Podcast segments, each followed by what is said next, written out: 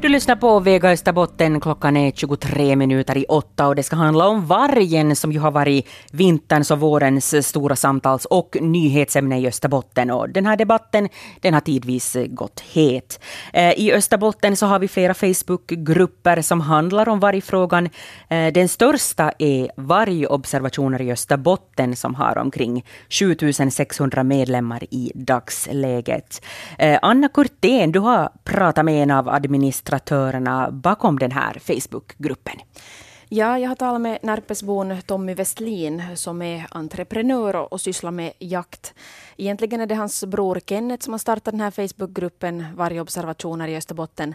Men Tommy har senare kommit med som administratör eftersom den här gruppen har vuxit sig större än någon kunde ana egentligen började det väl på det viset att man började ju se lite runt om att folk skrev lite mer och mer om vargen och det syntes till lite här, här och där i Österbotten och i våra närområden. Så att bara som där, för att hålla koll lite, lite grann då på, situationen så att startade han upp då Kenneth, den här vargobservationen i Österbotten för att folk ska kunna delta då, kanske dela lite bilder och, och, och skriva då vad de har sett vargen och sånt här det var ju som sagt bara närområdet först och lite jägare här och där som, som satte ut. Men nu är det ju vanligt folk som kommer in, unga som gamla.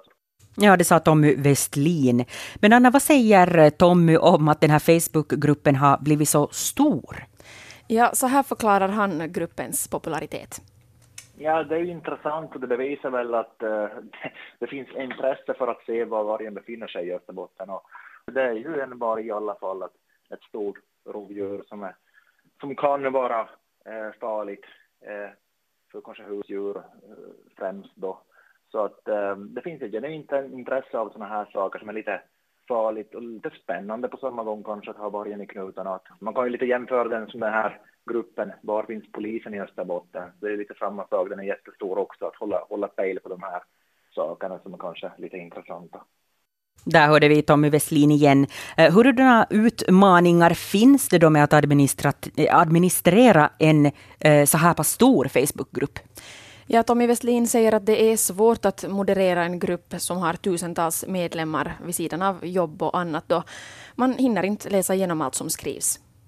Det är ju det som är problemet med en sån här stor grupp, att det blir ju lite rörigt och var drar man gränser och vad ska diskuteras och inte. Det har ju funnits massor med inlägg som kanske från andra länder till och med och videor och sånt som är inte riktigt rör Österbotten direkt men att vi får ju anmälningar hela tiden, dagliga anmälningar av personer som anmäler inlägg som tycker det inte hör dit och sånt och man måste filtrera lite och hålla det på en använda lite sunt bondförnuft där, att vad, vad kan man släppa igenom och inte. Men... Ja, det konstaterar Tommy Westlin som är en av administratörerna för Facebookgruppen Vargobservationer i Österbotten. Eh, Anna, du har också talat med Marie Peré på Sällskapet för mediefostran. Vad säger hon om det här fenomenet?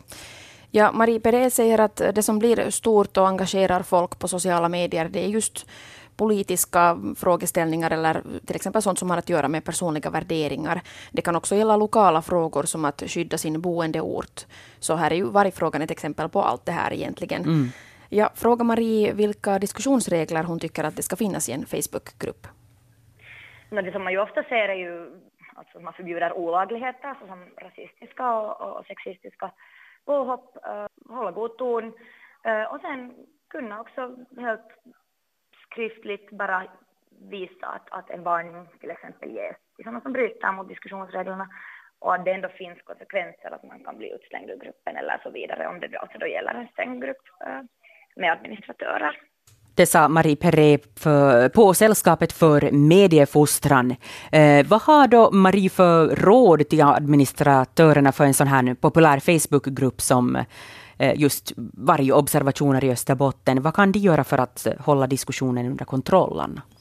No, för det första är det viktigt att alla som är medlemmar i en sån här Facebookgrupp tänker efter hur de beter sig helt enkelt. Men det finns, finns också annat som administratörerna kan göra, säger Marie Peré.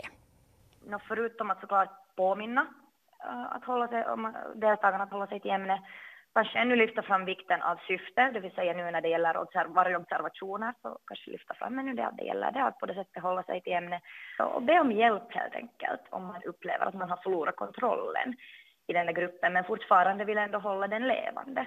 Man kan ju också föreslå om att flytta diskussionen annanstans eller, eller ordna träffar eller så vidare om det, om det visar sig att det här äh, temat kräver, kräver fortsatt äh, diskussion på annat håll. Det sa Marie Perret på Sällskapet för mediefostran. Eh, här om en liten stund så ska vi tala om mediernas rapportering om vargläget i Österbotten. Eh, vi kommer att höra medieforskaren Ari Nyqvist som har en, en hel del kritik att eh, komma med. Men först Jess Glynn. Jess Glynn, I'll be there i Vega Österbotten, där det handlar om varg. Och vargen har ju varit, som vi vet, vinterns och vårens stora samtals och nyhetsämne i Österbotten.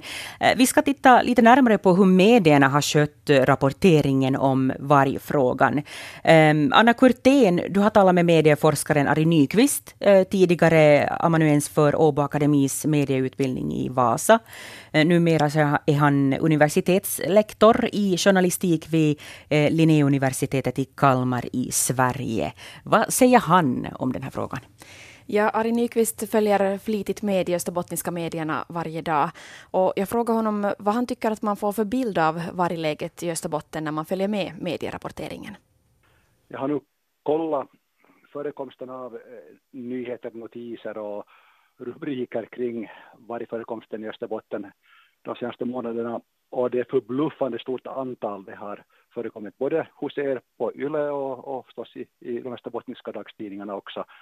Det är, tycker jag, nästan utom all proportion om vi till exempel jämför med andra, som jag ser, kanske mer centrala och viktiga samhällsproblem Ja, ord och inga visor där av medieforskaren Ari Nyqvist. Eh, vad är det specifikt som han eh, tycker är fel i mediernas rapportering om vargen, Anna? Eh, han tycker att den bygger för mycket på vargobservationer som inte ens alltid visar sig stämma. De här observationsnyheterna som det alltid handlar om att en varg har observerats i Maxmo eller i Nykarby eller Malax eller snart väl på Vasatorg så, så har droppat in som en nyhet varje gång och då är det någon människa som kanske hade sett en varg eller sen då ganska säkert sett en varg. Ibland har har det sen visat sig vara en hund eller något liknande. Och det här att, att man skrämmer med vargen kommer, vargen kommer så ofta när det sen egentligen handlar om samma varg kanske som, som rör sig i området så ger snabbt intryck att det finns en massa vargar överallt som, som springer omkring och i ja, allmänhetens, läsarnas, publikens sinne för proportioner så, så faller det snett det här. Ari Nyqvist, medieforskare och universitetslektor i journalistik vid Linnéuniversitetet i Kalmar. Eh, var, var tycker Nyqvist att nyhetströskeln borde gå när det gäller vargen då? Ja, den borde gå där vargen på riktigt hotar djur eller människor, tycker Nyqvist. Så fort det handlar om vargar som verkligen hotar djur, människor och, och har gjort någonting eller, eller det finns uppenbar risk att de är på områden där, där de inte naturligt borde finnas. Alltså att de är oskygga, att de inte har den här naturliga vilda vargens skygghet. Så då är det klart att man ska nämna om dem och då har journalisten ansvar att berätta om det här och, och, och rikta till och med en varning till allmänheten att hej, att nu, nu, nu, nu är sånt här på gång. Och då kanske myndigheterna också kan, kan agera och, och, och göra någonting åt det. Medieforskaren Ari Nyqvist där igen.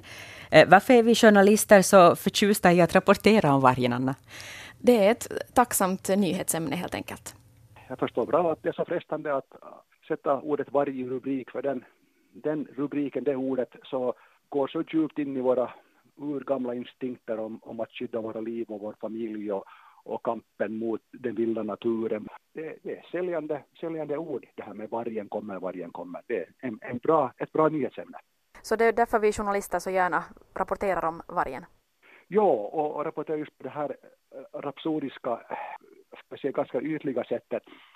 Men jag har nog också sett, måste jag säga samtidigt, har jag sett också både på YLE och på Österbottniska tidningarna bra artiklar där man har till exempel berättat om de här mötena som man haft mellan naturvårdare och jägare och allmänheten. Men nu handlar det jättemycket om emotioner och, och åsikter som är mer färgade av starka känslor än av, än av fakta. Och där kunde journalisterna kanske vara lite mer på alerten och, och hålla sig ner till fakta och, och försöka på något sätt vara en brygga mellan de här två emotionellt mycket åtskilda lägren just nu. Ari Nyqvist där igen. Uh, här till sist, vad skulle medieforskaren vilja hälsa, uh, vill, eller förlåt, vilja läsa om uh, vargen härnäst? Ja, han, han är faktiskt ganska trött på vargen. No, lite trött är jag nog på vargen. Och så, så hör jag till de här som, som har en stor respekt för naturens ordning. Så mera sådana artiklar där, där det kommer saklig fakta om, om, om vargen och om vargens del i hela, hela naturens ordning och allt det här så skulle jag gärna, gärna se. Det sa Ari Nyqvist som alltså är medieforskare och universitetslektor i journalistik vid Linnéuniversitetet i Kalmar. Och vi kommer att fortsätta på ämnet varg här längre fram i sändningen. Efter klockan halv nio så får jag besök här i studion av Ulrika Lövdahl som är chef för Yle Österbotten och Niklas Nyberg, chefredaktör för Vasabladet. Och de ska få svara på Ari Nyqvists kritik och berätta hur man tänker kring vargen på nyhetsredaktionerna.